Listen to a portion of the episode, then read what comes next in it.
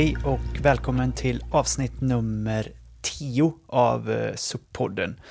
Eh, den här podden som handlar om stand-up paddling eller ståpaddling. Med mig, Niklas Johansson, eh, nysuppare skulle man kunna säga, som har suppat i ungefär sex månader. Magnus Lindstedt, tolvfaldig SM-guldmedaljör i alla olika discipliner av stand-up paddling och Joakim Larsson, eh, SUP-entreprenör från Motala som äger och driver Kona Sports. Eh, det här avsnittet eh, kommer handla om motionslopp och eh, vi kommer lära oss allt man behöver tänka på inför eh, att delta i ett motionslopp i stand-up paddling.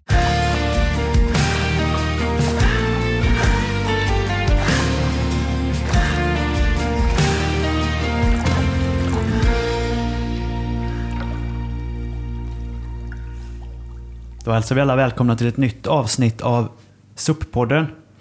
Eh, idag ska vi prata om eh, motionslopp eh, på SUP. Det dyker upp fler och fler motionslopp eh, på massa ställen i Sverige. Eh, vi kommer att arrangera vårt egna motionslopp på Sveriges absolut bästa SUP-arena, Göta Mm. kanal. Eh, mellan Borensberg och Berg. En Mhm. sträcka på 21 kilometer. Sen kommer man också kunna välja på att köra 10 kilometer eller 5 kilometer med start vid eh, andra eh, punkter eh, då och gemensam eh, målgång. Målgång, ja. Så att när vi pratar om hur man tränar kring motionslopp och vad man ska tänka på så um, kommer vi utgå mycket från Göta kanal supplopp som är vårt egna lopp. Men det här är ju naturligtvis allmängiltigt för alla motionslopp och vilka lopp man än vill köra. Och kanske även eh, rena tävlingslopp. Eh, för kan, kan man ha nytta av vissa av de här tipsen då. Absolut. Ehm, ja, jag, jag hade ju gärna kört Göta kanals upplopp men jag ska ju arrangera det så att vi får köra någon slags egen variant eh, lite Niklas, tidigare. vi kommer att köra funktionärs motionsloppet för Göta kanal. Ja, och eftersom det är bara jag som är funktionär så kommer jag köra själv. nej, nej, nej, nej. Vi har massor med funktionärer. Nej, men jag tänkte så här att vi har ju det där normalt sett 4 september. Men vi har ju justerat det lite längre fram i tiden för vi kände att Det var något må- annat som hände i Motala det Ja, ska vi bli invaderade av 30 000 cyklister 4 september så valde vi, för många av våra atleter är ju faktiskt cyklister också. Så För än är vi inte större än Vätternrundan. Nej, vi har inte tagit över än. Nej, och eh, i dessa pandemitider så känner jag att det är ganska skönt att inte behöva hantera 30 000 deltagare. Ja. Däremot vill vi gärna ha 300. Det hade varit Ja, något. tusen. Men du, 300 000. jag, jag tänker så här, ska vi, vi kör väl då som Vasaloppet va, med startled. Så det, man ska ju köra dem gärna de här liksom, virtuella loppen inför loppet så vi ser vem som får stå längst fram. Det beror lite på hur många anmälda vi får. Men har vi många anmälda kommer vi definitivt köra eh, startled. Och eh, då kan man... eh, Vi har, det finns redan nu, man kan anmäla sig till loppet på både 5, 10 eller 21 kilometer. Då. Men man kan också anmäla sig till de virtuella varianterna som är lika långa då. Där man ska själv... vi- då vi- anmäler man sig och sen reggar man själv eh, med sin klocka eller Strava eller vad man nu mäter sin paddling med. Mm. Så eh, registrerar man sin tid själv på raceid.se och eh, utifrån den tiden då så kan man sen bli sidad då. Och det skulle vara så att vi har så många deltagare att vi vill köra startled. Plus att man om man kör de virtuella eh, varianterna kan vinna startplats till loppet. Mm. Och i själva loppet så kommer vi ju lotta ut riktigt fina saker bland alla deltagare, eller hur Joakim? Ja, vi kommer att lot- lotta ut brädor. Eh, och jag tänker så här eh, att... Eh, ja, säkert andra saker också. Men jag tänker vi drar tillbaka klockan lite. För två år sedan så satt vi här och sa att vi behöver ha ett motionslopp. Så vi, eh, på en vecka så förberedde vi oss och sen så drog vi iväg och körde. Och första gången, vi var 25 stycken första gången, 20, 25 stycken. Och vi såg ju liksom lite svagheter och då var inte loppet lika långt som den nu då, 21 kilometer. Och sen förra året, det var pandemin, det var, vi var lite rädda för att träffas. Det var ju väldigt liksom, håll ifrån varann och så vidare. Och Man visste inte startade mycket vi, om vad det var vi hade att, att deala med liksom. Nej, men så startar Borensberg där och precis när vi ska starta så kommer det värsta fartyget. kanalbåten så fick vi vänta ett tag. Men det, sen körde vi iväg där. Eh, och eh, vi eh, försökte ju då jobba med mellantider och så här. Det var lite få människor så det var svårt. Vi sprang mellan alla mellantider och det var allmän kaos. Jag får be om ursäkt för det men nu har vi ju en riktig arrangör här som har liksom tagit över och vid. Ja, vi får väl bygga vidare på de erfarenheterna ni har och andra erfarenheter vi har sedan tidigare så kommer det säkert att finnas någon slags utveckling på konceptet. Och ja. Eh, förhoppningsvis så är detta något som vi kommer kunna arrangera under många år framöver. Som växer och blir, blir någonting som man, eh, om man håller på med SUP, vet vad det är för någonting. Ja, det kanske kan svälla. Det tror vi jag. Vi kanske kan köra ett Tour de Göta kanal. Vem vet? Mm -hmm. Jag tror killarna på kanalbolaget får i alla fall förbereda sig på att det kommer vara ganska många små båtar i kanalen framöver. Ja, med stående människor på. Oavsett om vi arrangerar event eller inte. Det blir inte båtavgift, det blir suppavgift. Ja, precis. Men det är jobbigt för att eh, de supparna kan ju gå förbi slussarna. Mm. De kanske inte är intresserade av att betala då. Nej, det blir ingen intäkt på det sättet. Nej, ja, vi får se. Men det är ju jätteroligt i alla fall. Och eh, man hittar ju Göta kanals upplopp Antingen via Konas sida, konasport.com eh, eller på raceid.com mm. som är en anmälningssida. Då. Där kan man söka ja, på SUP. Och gå med gärna Göta kanals upplopp på Facebook. Mm. Följ oss på Instagram. Ja. Och där finns det ju redan bilder från förra året. Eh, och eh, ja, häng på bara. Eller hur? Mm. Kul, men då drar vi igång lite hur man ska träna och förbereda sig för att köra motionslopp. Eh, så, ja. Det finns några olika varianter. Antingen så kör man bara. Ja, Eller också man så förbereder man sig. Ja, det är väl... Det finns ju ja, många, många ska, eh, steg på skalan däremellan. Hur mycket man vill förbereda sig. Men ja, man kan ju köra utan att förbereda sig. En Nike kanske? En? En Nike. Nike? En Just Do It. Ja, ja, just det. Det kan man göra. Men det är väl kanske inte att rekommendera. Inte om man ska köra 21 km i alla fall. 5 km kan man säkert najka då, om man säger så. Men hur ska jag tänka kring uppbyggnadsträningen om jag vill ställa upp och köra Göta kanal? Och i alla fall då tänka lite prestation, Magnus? Ja, men framförallt att man, eh, man börjar jobba mot att paddla hela arbetstiden. Alltså eh, hur långt tid man beräknar att paddla den här sträckan på. Mm. Och det gör man ju lättast successivt. Att man, ja, börjar man med någon kilometer så ökar man på där, tre, fem och så vidare. Vilken nu distans man vill köra. Precis. Och utifrån det så märker man ju kanske vad som ger effekt. Om jag håller på att få byta sida vartannat paddeltag, då kommer det ta längre tid. Lär jag mig att hålla kursstabiliteten bättre, då kommer jag paddla kortare och slippa byta sida så ofta. Och därigenom också bygga upp den lokala uthålligheten i de musklerna jag jobbar under lång tid med och så vidare. och Så vidare. Mm. Så att eh, gör man det bara genomtänkt så då kommer man ju lyckas med all sannolikhet skulle jag säga. Just det, men ska man liksom börja med att testa att paddla distansen eller ska man försöka lista ut ungefär vilken tid man vill köra på och paddla så länge?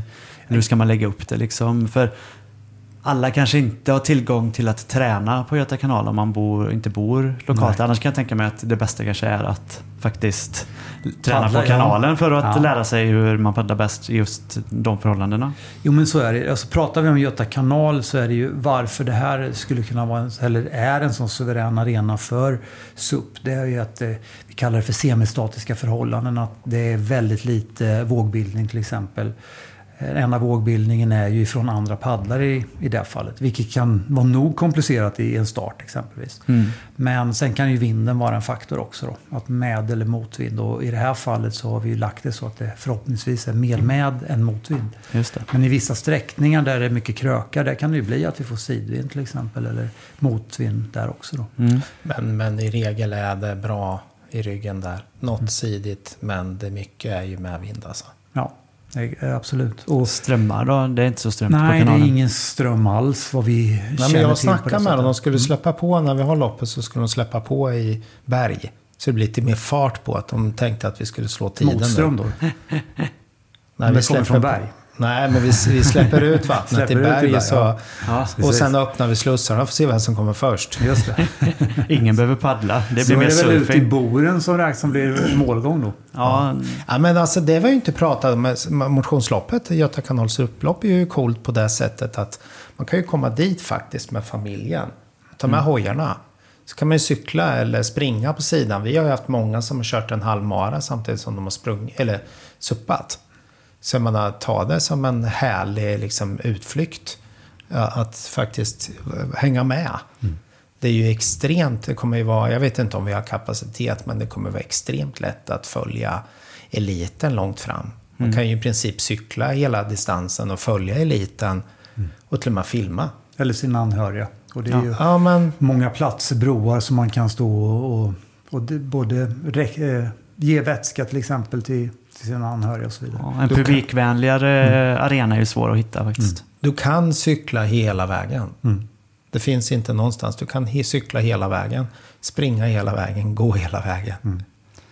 Eh, Jag cyklade faktiskt här från Motala till Mem förra sommaren. Ja, Det är ju 11 mil och lite längre än... Men då passerar man ju den här sträckan med. Fast då sprang min sambo bredvid mig, men det tog Mm. tre dagar. mm. ja men ni är skadade. Eh, ja, vi var lite halta efteråt faktiskt. Ja, okej. Eh, nej, men det är ju det är faktiskt sant att kanalen är ju fantastisk arena på det sättet. Det finns ju ett annat event nere i Bergslussar som Red Bull gör som heter, jag kommer inte ihåg vad det heter nu, men man simmar liksom mellan slussluckorna Mm. och så klättrar man upp. Och eh, det är, där ser man ju verkligen att det är publikvänlig arena. Det är mycket kortare sträcka än vad vi kommer röra oss längs. Men det är som Mm. du säger, det går ju liksom cykelväg hela vägen. Samma sak här fast vi klättrar med SUP-rallen. Nej, det kommer inte ske. Ja, men det är ju, loppet har ju också två lyft.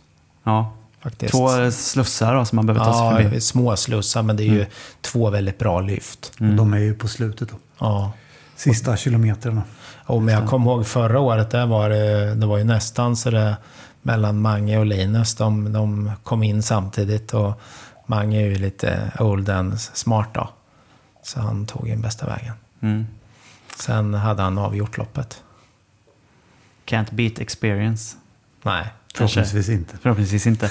ja, nej men okej, så att eh, träna antingen distansen eller om man tänker tidsmässigt då kan vara eh, lämpligt. Och om man hittar någon, något vatten som är liknande. Eller är det bättre att träna i tuffare förhållanden än vad man tänkte köra loppet på? Ja, både och kan man säga. att Man behöver ju definitivt, alltså man tjänar ju väldigt mycket på mer dynamiska förhållanden. Både att paddla i vågor och vind för att, att liksom utvecklas och utmanas i det här fallet. Ja. Och det har man nytta på även i plattvatten då, som vi kallar kanalpaddling. Alltså där det är väldigt stilla Mm. och lugnt vatten. Ja, det är ju verkligen två olika grenar kan man ju säga. Och um, personligen så gillar ju jag när det är mer dynamiskt än vad kanalen är egentligen då. Men eh, det, har ju, det är därför det också är stimulerande för att ha sin utmaning i att kunna hantera det här. Du själv måste driva hela, hela sträckan. Du har inte hjälp av vågor eller vind på det. Det. Nej. finns en väldigt bra film om ni går in på vårt Instagram-account. Göta kanals upplopp. Då finns det ju väldigt mycket filmer ifrån första gången och andra gången. Och det finns filmsekvenser där man ser Magnus faktiskt paddlar. Det ser ut som han åker längdskidor. Det känns som han är i spåret. Det är Var det inte precis- någon uppsnabbad Ja, sekvens det, också? nej, nej, det är din normala hastighet. Det är din normala. 100 strokes per minute eller något. där. Nej, Ja, men nej, men det kan vi verkligen rekommendera att titta på. Där ser man också hur fin arenan är, liksom, hur loppet eh, Ja, ser och ut. jag menar, man ska ju inte glömma bort all glass man kan äta Som- på som- vägen. Som, som alla- Jag har inte fått någon glass än. Men det är som åskådare då kanske. Nej, men eh, det, och det är vätskekontroller givetvis. Så där stannar man ju till på brygger och tar, en, tar eh, lite vätska ifrån eh, någon av våra partners. Vem det nu blir. Eller hur? Ni som sitter där ute som vill vara med på loppet. Ni kan ju höra av er. Eller hur? Vi har ju några som har hört av sig oss, till oss redan. Men vi eh, kör på liksom. Och du nämnde längdskidåk. Eh, eh, Joakim, kan man eh, förbereda sig för motionslopp när man inte har tillgång till vatten? Mhm. Mm. Hur ska man göra då? Det finns egentligen, det är, det är samma sak där. Att, att jag menar, har man inte tillgång till det så kan man jobba med arbetstiden där igen. Ja. Och tittar man på alla delarna som vi använder i, alltså eh, av kroppen som vi använder i SUP så kan man ju träna eh, alltså specifika delar. Benen genom cykling, löpning till exempel och Samma sak genom sittande paddling till exempel. Om nu, nu pratar vi om tillgång till vatten och det Ja. krävs kanske. Men kajakarometer exempelvis då. Ja. Om du vill jobba det. Eller med stakmaskin till exempel. I- Just det, en skierg då. En skijägare, ja. Ja. Så där är ju mm, det är ypperliga exempel.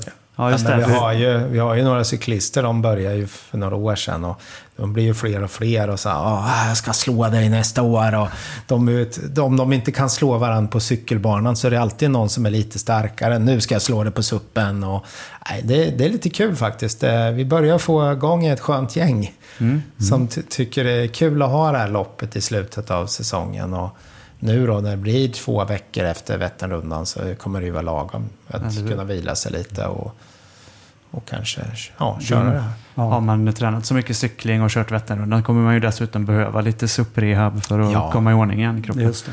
Ja, men vi har pratat jättemycket om, om, eh, i tidigare avsnitt om eh, kompletterande Mm. SUP som komplement till andra idrotter.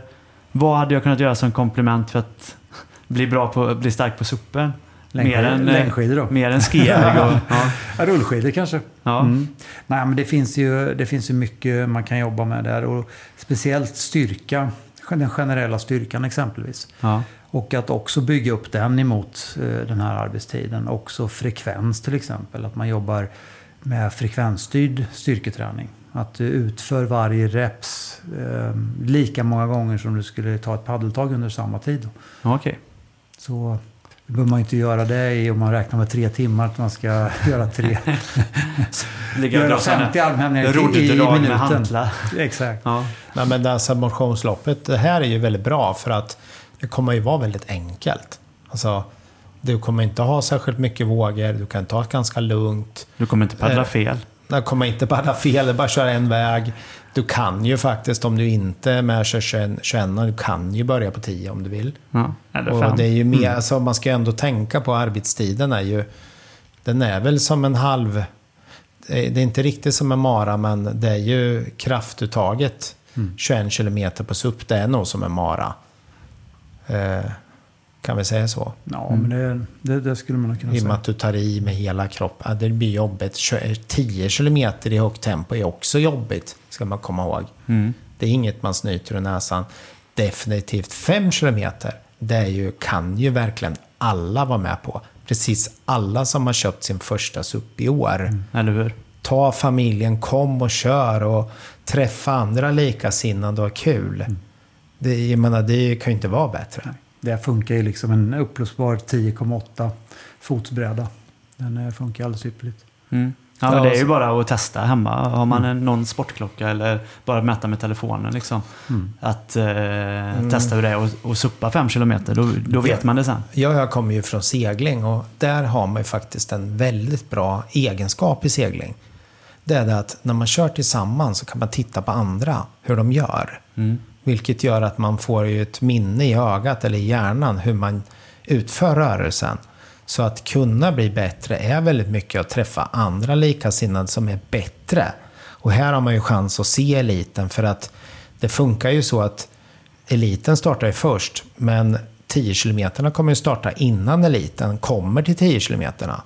Så det är ju det också som är coolt i det här. Det är ju så vi har gjort. Att eliten paddlar ju genom fälten. Vilket gör att det blir ju väldigt mycket Vågor so- socialt.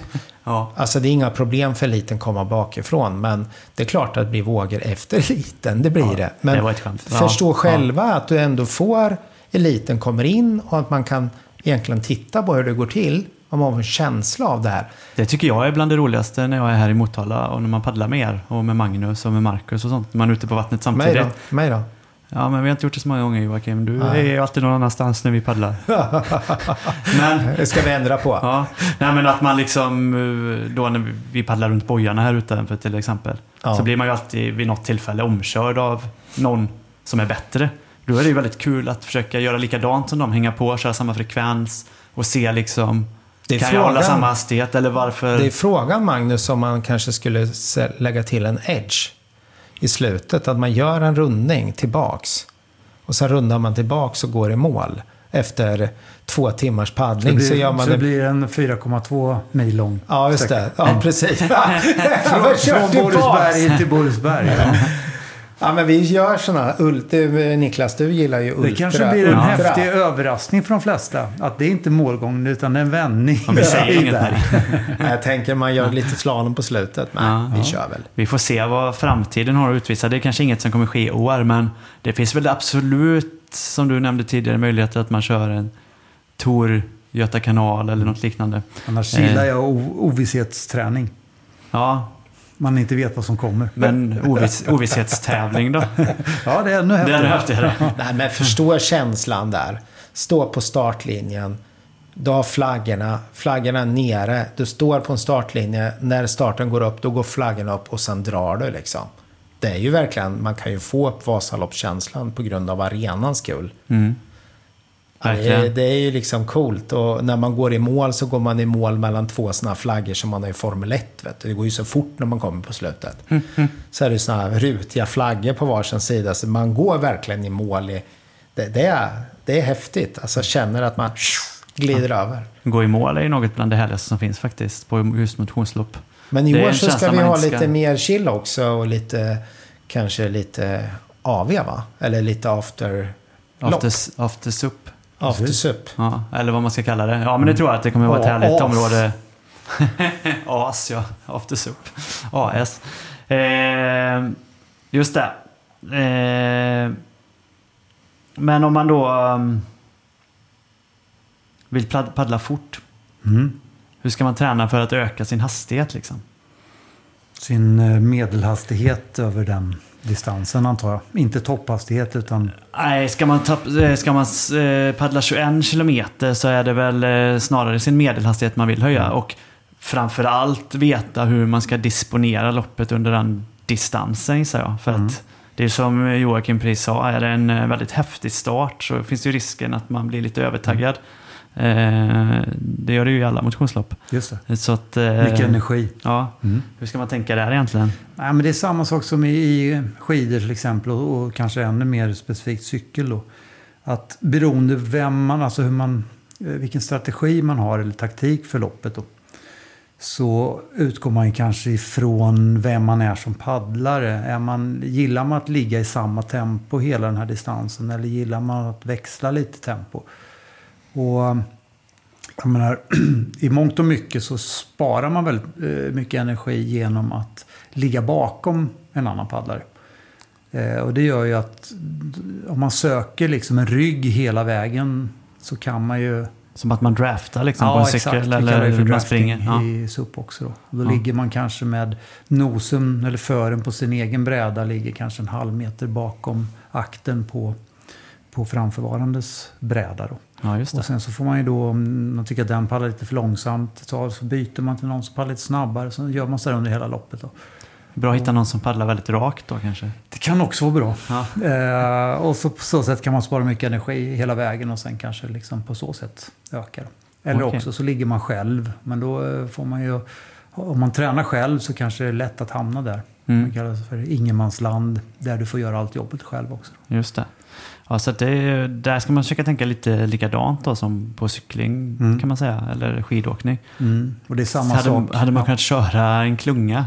Ja, absolut. Och det är där vi, eh, Kona Racing Team, där jobbar vi ju mycket mer. Och det som också för egen del har blivit väldigt stimulerande, det är att man har ju lagt större delen av, av tiden själv på vattnet. Helt plötsligt nu så har man, är man omgiven av andra lika entusiastiska paddlare som gör att man kan börja och, och jobba på det här sättet. Samarbeta liksom. Ja, exakt. Ja. Och då lär man sig hitta sätt att var ska man ligga i olika förhållanden, var är det bäst, eh, alltså bäst fart och var sparar mest energi exempelvis. Just det. Och eh, där är ju, jag menar, man kan ju jobba, alltså att gå ihop några stycken och ställa upp eh, på loppet. Mm. Och där ni fram till loppet tränar på att, att växla till exempel. Att vem drar, vilka ligger bakom, hur ofta och så vidare. Just det. Det, är ju, mm, det blir mycket, mycket roligare för, för alla. Ja, det låter helt fantastiskt ju. Att mm, köra med kompisarna då. Ja, definitivt. Ja, eller tjejkompisarna gör det som en gemensam utmaning. Och sen varför inte hänga här liksom, köra loppet och hänga i, i Borensberg lördag till söndag. Eller hur? Köra lite extra träning dagen efter. Ja, kanske vi kan bjuda in till, jag vet inte många, om vi ska köra ett litet podcast-event. hade man kunnat göra också. Men vi kör en podcast efter loppet va? Ska vi inte göra det med Eller medlemmar? under loppet. Vi kan ju intervjua vinnaren så får vi se om det är en av de stadigvarande deltagarna i den här podden eller om det är någon annan. Ja, just det. Då, då, ja, men det måste vi. Men vi kanske skulle ha en liten peptalk innan, innan racet. Mm. Eventuellt. Ja, Just det. vi får se hur vi liksom får ihop det, men eh, det är ju Med intressant. dig Alltså. som organisatör. Ja, men Ja. Det, då är det ju klart. När vi Eh, kommer dit så är det redan fixat. eh, vi får se, det brukar vara ganska mycket att göra under tiden också. Men eh, det, inget är omöjligt. Har man en bra konferencier så man slipper sköta tekniken själv och sådär. Så det är ju bara att styra ihop det man vill ha egentligen. Ja. Se till att det funkar. Men eh, just ett podcast-event. Man skulle ju kunna bjuda in poddlyssnare i alla fall någon gång under sommaren till Mm. eh, ehm, ett event där man kanske kan få lite tips och testa lite brädor och annat eh, liknande. Det hade ju varit eh, Live, nice. vi kör YouTube då va?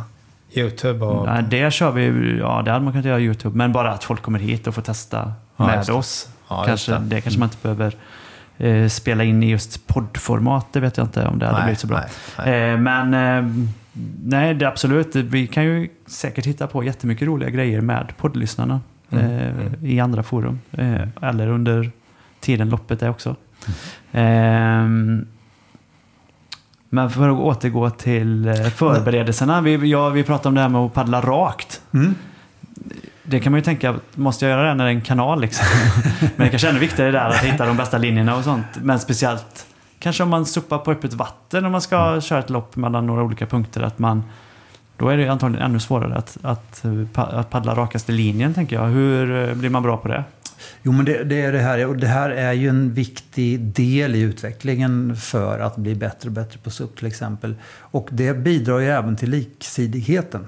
Ja. Alltså att ju bättre vi blir på fotstyrningen som vi kallar det, att styra med tyngd, alltså eh, kroppsvikt, eller tyngdpunktsförflyttning. Alltså att om jag lutar mig på höger ben, då kommer brädan styra åt vänster och tvärtom. Då. Och um, tillsammans med paddeln så styr man ju på det här sättet att om jag då lutar paddelskaftet snett utåt sidan, då kommer jag styra åt motsatt håll ännu mer. Mm. Så att strävan blir att hålla eh, skaftet så vertikalt som möjligt i det vi kallar för frontalplan. Alltså sett framifrån. Det blev tekniskt. Ja. Ja, exakt. Men så att skaftet inte är vinklat utåt sidan utan det är vertikalt i förhållande till brädan kan man säga. Just det. Eh, och det gör att det också bidrar till att vi, vi paddlar rakare. Mm. Och det här kan man ju träna korta sekvenser hela tiden. Och mycket eh, hjälper att titta på den dit du ska. Men utan, som vi pratade om i ett annat avsnitt här, utan att vinkla huvudet bakåt, att böja nacken bakåt. Mm. Utan att istället jobba med ögonen. Mm. Ehm, vi tittar därigenom så kommer vi också lättare att kunna styra åt det hållet. Vi ser när vi börjar liksom vika iväg i fel riktning och det kan vi korrigera tidigare. Just det. Vi Ja. hade ju första loppet vi körde, då hade vi ju en crossåkare som nu eh, ingår i vårt racingteam som heter Linus Karlsson. Och vi mätte ju hans distans då. Och han var ju inte särskilt bra på att paddla rakt. Men ändå var han trea. Han kom trea vet du, men han paddla Vad paddla, vad sa, paddla var han? över en kilometer längre än någon annan. Tror Så han paddlade en kilometer längre än alla andra för han, han svängde som en orm. Så att om han hade paddlat rakt hade han vunnit lätt. Nej. Nej, det hade han inte gjort. Men eh, för den Han var hade lite... kommit kanske två. Ja. Ja, precis. Trea kanske ändå. Men, men eh, det är ju ändå liksom att paddla rakt. Man, det är ju en rejäl uppsida att lära sig eh, att paddla rakt. Ja. Faktiskt. Det är ju frustrerande när man paddlar och inte känner att man kan paddla, paddla rakt. Alltså, det, Och det här det lär man sig. Det är ofta så har det att göra med till exempel att man lägger kraften fel i, i isättningen av paddeln. Alltså att man behåller paddeln för länge i vattnet. Okej. Och det är, och då styr det ganska lätt. Så att, till exempel plockar man bort fenan och paddlar utan fena så behöver man, då behöver man ta ett mycket, mycket kortare paddeltag. Där liksom mesta kraften läggs så långt framför kroppen som möjligt. Är det en bra övning för att lära sig att paddla rakt? Att Ja, paddla men utan en bra, bra brädkontrollsövning är det definitivt. Ja. Så att eh, rolig grej då det är att om, om man är två helt ovana suppallor så plockar man bort fenan så försöker man racea. Det kan bli många roliga konsekvenser. Krockar och liknande. Ja, man får se. Ja, Nej, ja men men- det kanske också är någonting som det är värt att göra en eh, instruktionsfilm kring. Hur man ska sätta paddeltaget för att paddla rakt. Mm. Eh, Okej, men nu, ja, så hur, hur kan jag variera mina SUP-pass då? Eh, om jag nu tänker att jag ska köra ett visst antal pass fram till det här och träna olika saker. Att träna på det då är ju en sak. Att en träna på sak. distansen är en sak. Mm. Finns det mer saker jag kan göra? Ja, en, en annan viktig faktor här det är ju, eh, det är ju trimningen då.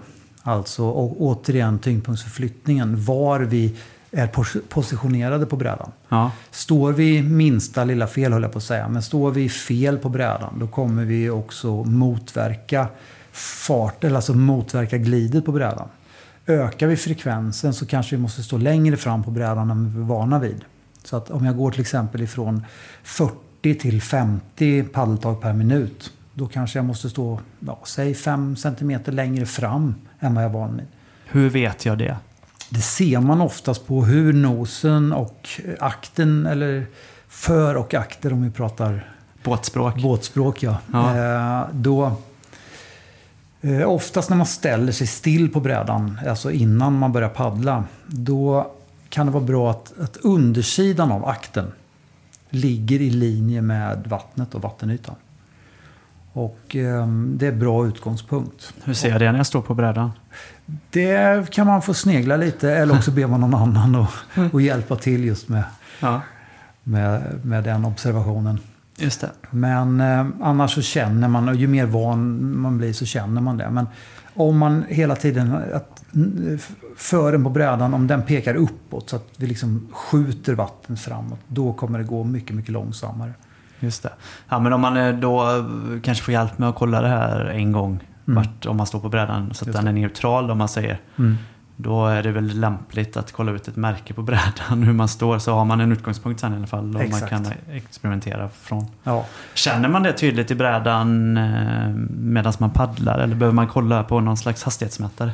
Ja, men det, både och. Alltså I början så kanske man behöver ha en, en mätare för att kunna eh, avgöra hur fort det går och om det går fortare eller långsammare Mm. i det här fallet. Då. Men annars så sen så märker man det på paddeltaget också. Att man, man känner liksom när ska nästa paddeltag komma. Då. Det som är viktigt i eh, SUP är ju kanske inte att ha en låst frekvens. Tar vi Göta kanal exempelvis så har det mm, lite mindre betydelse än om det är ute, till, eh, ute på havet. Så då. Just det. För här är det ju... Men så om vi vore själva på Göta kanal, då kan vi behålla mer låst frik eh, frekvens, som vi säger. Alltså exakt samma frekvens varje minut. Ja. Till exempel 50 palltag per minut. Då. Även fall mycket kurvor och liknande. Ja, mer eller mindre. Mm. Eh, och det gör ju att vi, vi, vi korrigerar ju det med fotstyrningen och, och med att vinkla paddeln eller ta ett så kallat kompensationsdrag. Då, så man, ett omvänt J-drag. Vi, tar, vi börjar med J-draget istället för avsluta som man gör kanske i, när man paddlar kanot och så. Mm. Och, men annars så, när det blir mer vågor, alltså även om vi paddlar i kanalen då med fler paddlare så kan vi utnyttja deras svall för att få fart.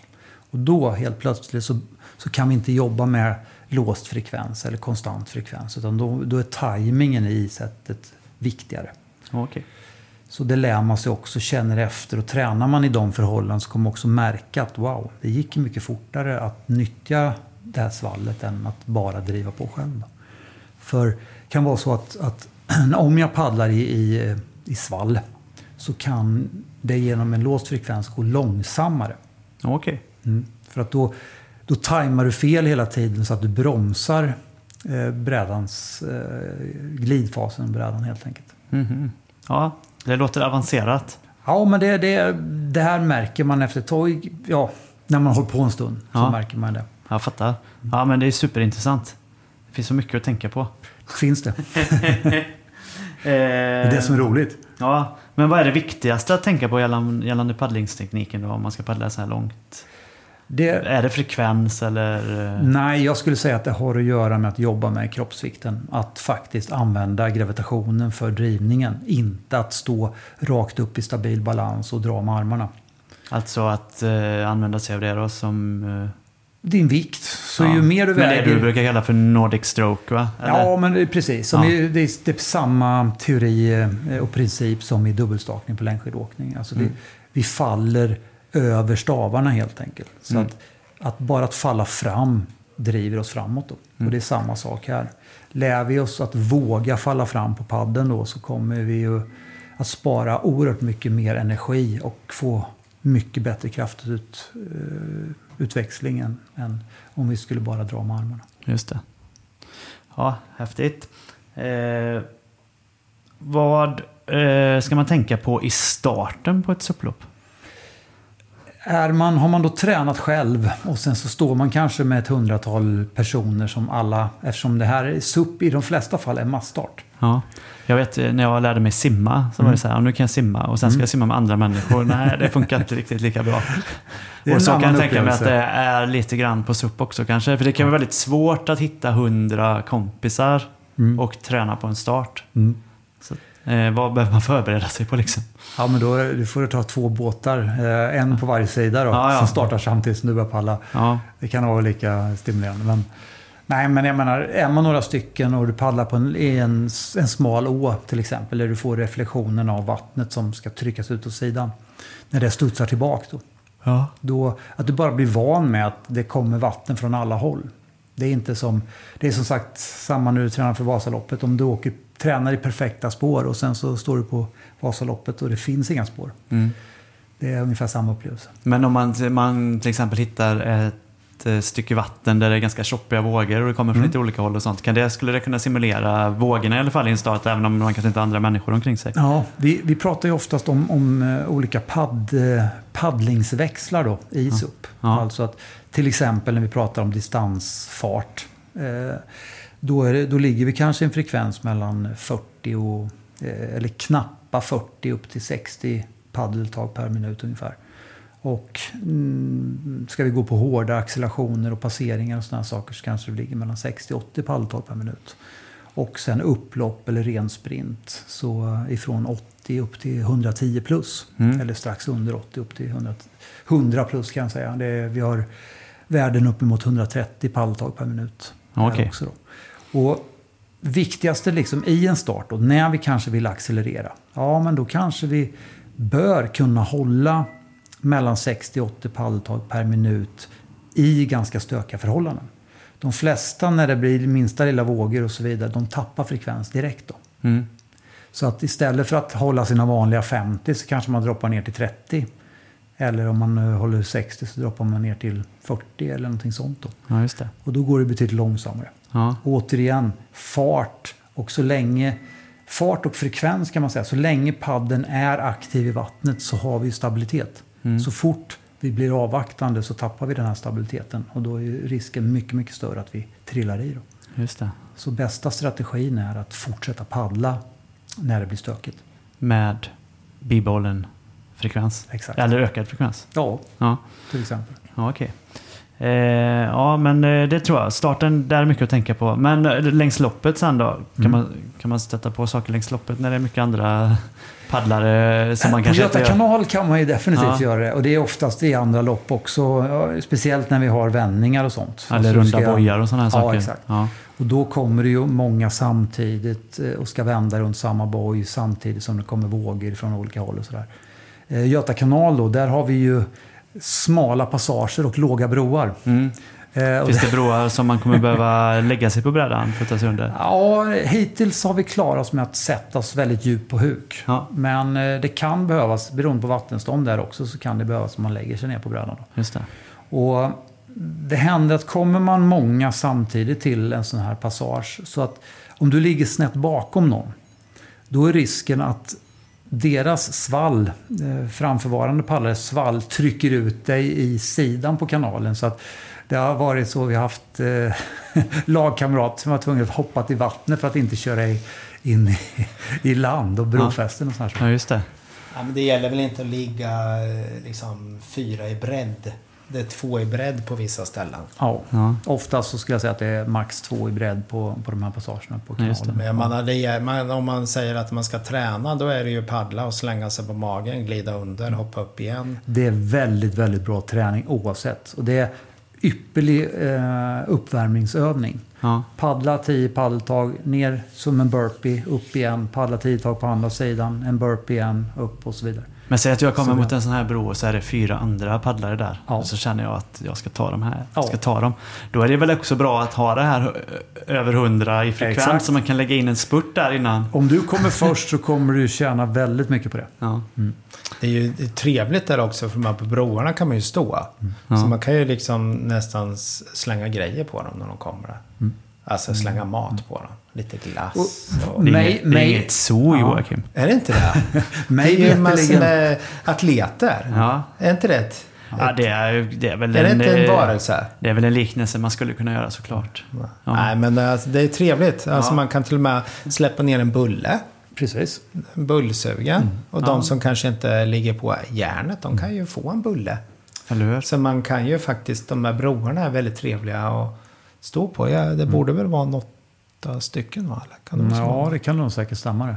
Mig vetligen så finns det ingen regel om att vi inte får eh, alltså, eh, göra ett lyft vid varje bro. Vill man det så är det möjligt också. Men det är inte effektivt. Nej. Men det precis. finns möjligheten om det är trångt och du kan Ja, du springa menar om om dem. det, på- om det står 20 stycken i kö och ska Exakt. under så kanske det ändå är det rimliga alternativet att springa förbi bron. Jag kommer ihåg första gången vi körde, hade vi inte riktigt koll på vad som var hälften. Så när vi körde så var det ju typ av de här, vad var det, 16 kilometer. Vi trodde det var 13. Mm, jag tror nästan var 18 va? Eller? 18, Ja, så vi sa att det var 15, men det var ju Mm. 18. Precis. Det var många som var radigt trötta första. Äntligen! Men nu har vi ju bättre koll på det och det är faktiskt under motionsloppet att det finns avståndsbedömningar på i princip varje bro. Vi sätter upp skyltar. Ja, skyltar och det är ganska coolt. Det är ju samma känsla som man får utanför Motala när man kör Vätternrundan. När det står 29 mil kvar. Och folk skriker i klungan. Kom igen, det är bara 29 mil kvar.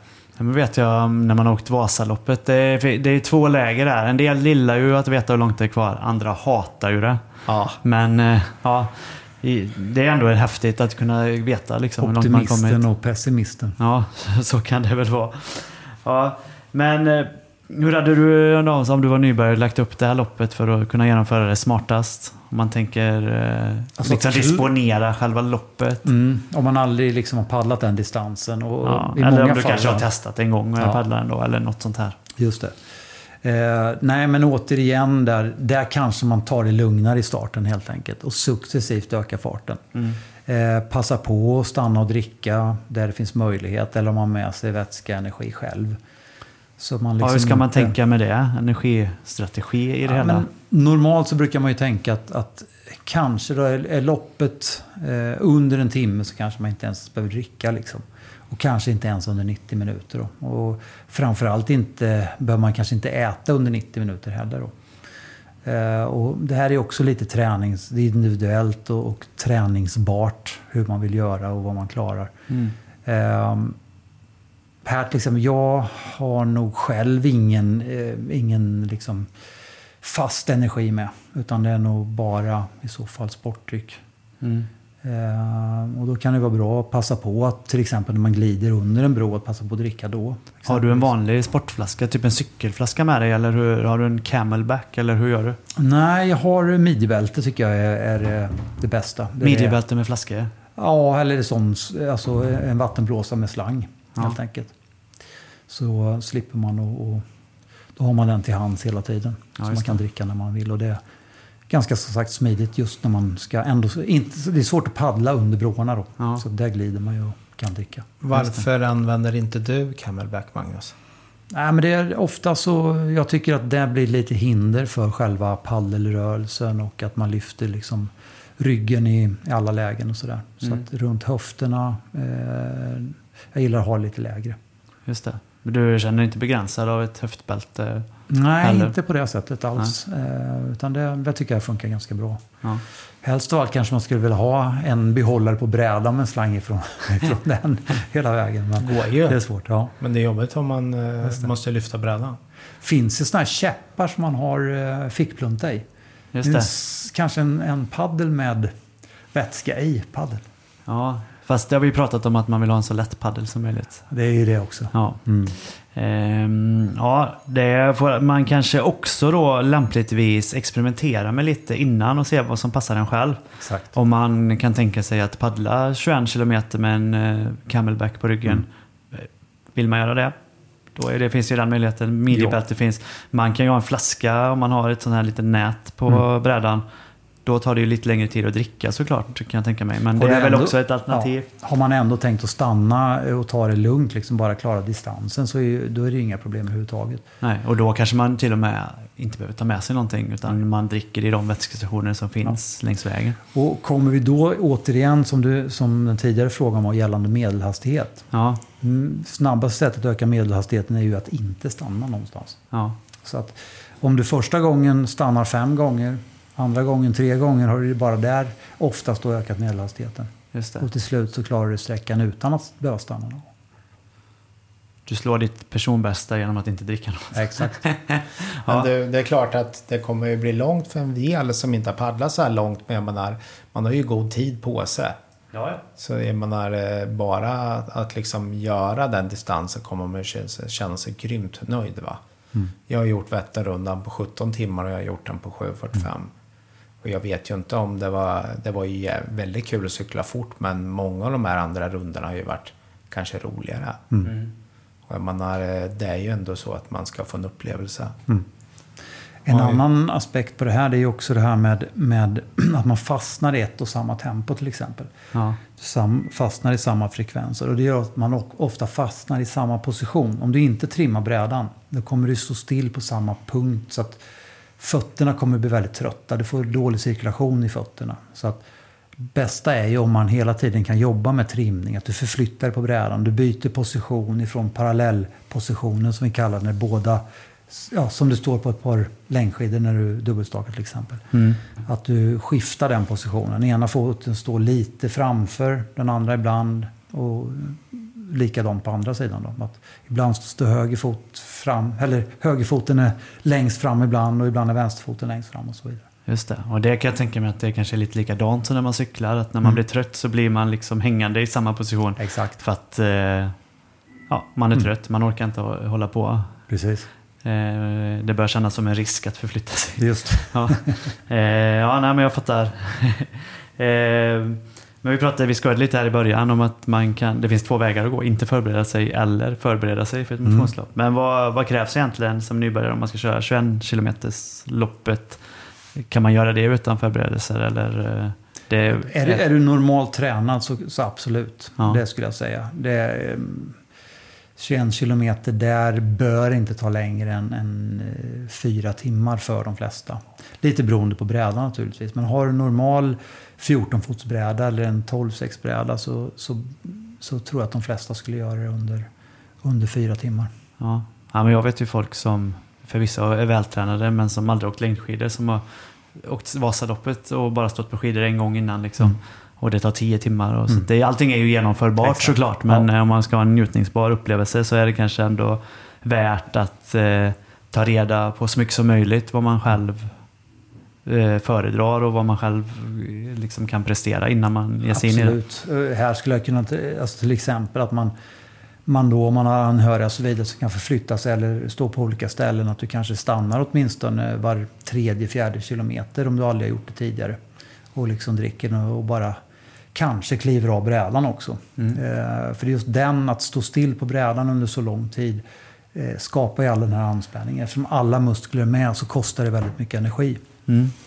Och att bara kliva av och ställa sig på fast mark gör ju att hela balanssystemen också får återhämtning. Så länge du står kvar på brädan. Eller eh, om du inte vill kliva upp på land så sätt dig ner på brädan. Mm. Det skulle funka. Ja. Ja, häftigt. Nej, men jag tror vi ska göra som du sa Joakim. Vi kanske ska ha några träffar i sommar där man kan träffas få lite tips om vi har hittat datum och möjlighet till det. Mm. Eh, man i alla fall kan bjuda in ett, ah, ett tiotal personer någon gång. Absolut. Ja, man Eh. kanske kan träffas en kväll borta i Borensberg. Mm. Exakt. Så man får känna lite på startarenan. Eller Och vi har ju, jag menar teambussen, där har vi möjlighet att det kan man ju paddla olika sträckor. Man kan åka en bit, paddla till nästa intressanta sträcka sådär. Så att man delar upp det på det sättet också. Ja, just det. Finns det något lopp i Sverige som är bättre och finare än Göta kanals upplopp? Det beror, på, det beror ju på helt enkelt. Är olika karaktär Ja, på saker klart. och ting. Vi, vi vill ju, med det här vill vi ju uppnå en arena som är väldigt tillgänglig för många. Och vi vill ju ha till slutet av säsongen så man kan ha det som mål. Mm. Och vi ville liksom spela med liksom Sveriges, ett av Sveriges mest kända varumärke, Göta kanal.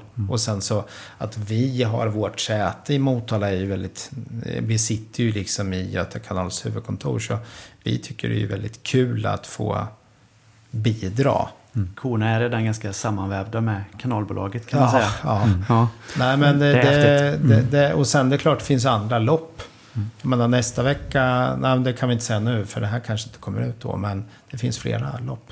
Ja, det finns jättemånga lopp och eh, man kan ju gå med i alla de här SUP-grupperna på Facebook till exempel. Där, eh, där får man ju reda på alla lopp som finns. Och bästa sättet att förbereda sig för ett lopp är ju att köra andra lopp.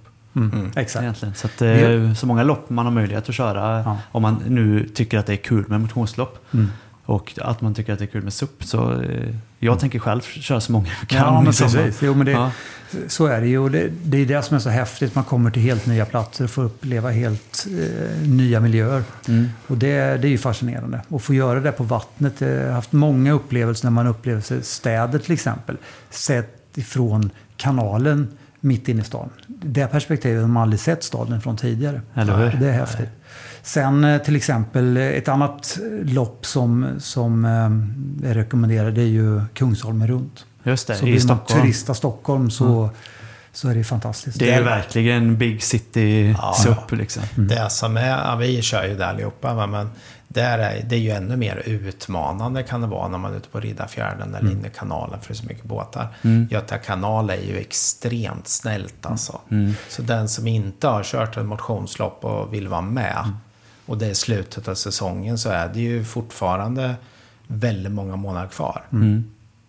Och det var ju, ja, och, och lite tanken med Göta kanal var ju att i och med att det är de här eh, liksom plattfattens förhållanden, eller semistatiska förhållanden som vi säger, att det gör då att många andra duktiga idrottare kan ju faktiskt ställa upp och ganska snart se sin kapacitet. För att det är inte vågor och det är inte vind på det sättet.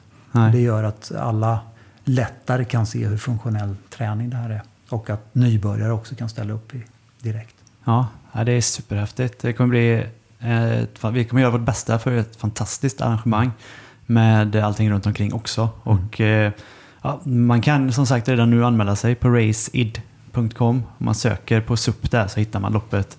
Och eh, där finns eh, information men det kommer komma mer information efterhand när vi eh, knyter till oss nya partners och liknande för loppet. Så att, eh, redan nu kan man ju anmäla sig och köra de virtuella varianterna då om man vill testa distanserna. Och det kan man göra utan att anmäla sig till dem också såklart.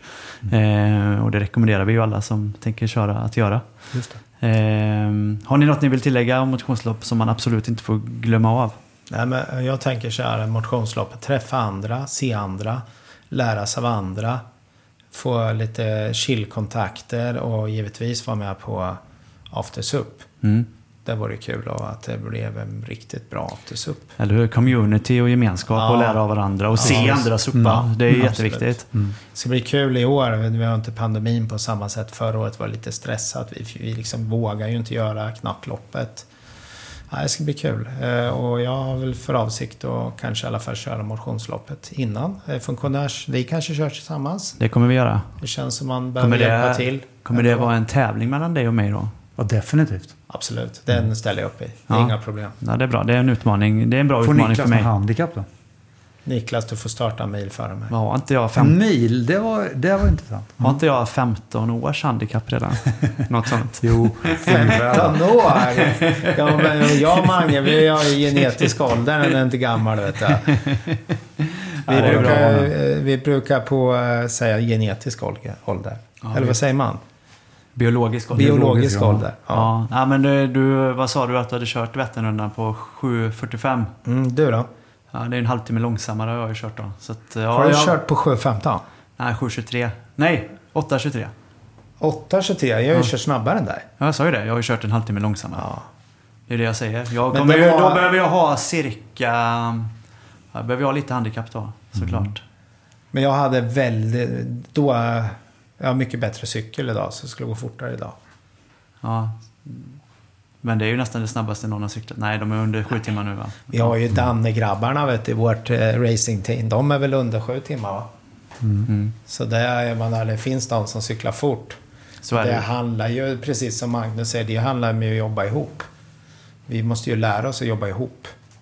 Som, jag, eller som lag. Det är ju kul. eh, Det är därför det är så kul att se på cykel och de här lång, långloppsloppen. För att faktiskt de jobbar ihop. Ja, Det är ja men det är ju de är- lite i suppens eh, framtid då kanske, det här lag, lagsamarbetet. Ja, det är, det. vi, vi hoppas ju definitivt att vi kan se till exempel både cykel och, och skidteam nu, långloppsteam, vara med i SUP och också jobba utifrån lag där. Ja, Och som, som Göta kanalloppet nu ligger ju perfekt som säsongsavslutning för SUP när, alltså, när skidsäsongen drar igång. Vinterstart. Ja, men det är Vinterstart, ungefär ja. så. Lite så. Nej, Inte men, här kanske, men... men... det ska bli spännande när vi väl kommer fram dit så är det ju veckan innan är det ju VM i SUP. Mm. Så det är ju Ungern i Balatonsjön där vi i alla fall vi planerar och vi vet ju inte hur det blir men där planerar ju racingteamet att delta. Mm. Vårt racingteam. Så det ska bli väldigt kul och jag har för avsikt att åka ner och sätta mig på läktaren och ta en eh, ungersk öl och heja. ja, det kommer bli underbart. Ska du med Niklas eller? Eh, Jag arrangerar ju förmodligen SM i långdistans triathlon den helgen, så det blir Ah, svårt. Men eh, annars hade jag givet naturligtvis väldigt gärna suttit på den läktaren det med kanske finns några av lyssnarna som vill hänga med så Ja. ni får höra av er. Komma ner och kolla och heja. Ja. Eller Kör- ställa upp. Det är öppet. Eller ställa upp. Mm. Vi kör eh, Kval på plats. svenska tröjor. Ja, riktigt coolt. Eh, Ja, om någon lyssnare tänker ställa upp i VM, då får de säkert en Kona-tröja utav dig eh, Joakim. det skulle jag gissa absolut, på. Kan få absolut. två. Två, två till och med ja. ja. men härligt. Jag tror vi syr ihop säcken med motionsloppet där. Eh, finns det, om man har frågor om motionsloppet så kan man ju mejla till mig. Eh, johanssonniklas.live.se Eller eh, ta kontakt eh, via Race faktiskt. Eh, hittar man kontaktuppgifter. Mm. Raceid.com. Eh, tack ja, för eller idag. man kan ju till och med skicka meddelanden via Instagram-accountet. kan man också göra. Göta kanals upplopp. Mm. Facebook-pagen Göta kanals upplopp. Mm. Eller vad är ditt telefonnummer Joakim? Ja, det berättar jag inte. Ja, det är bra. Eh, vi knyter ihop eh, poddsäcken för den här gången. Vi säger tack så mycket och vi hoppas att vi träffar så många som möjligt av lyssnarna den 18 september. Okej, tack Tack. för oss. Tack, hej! Hej.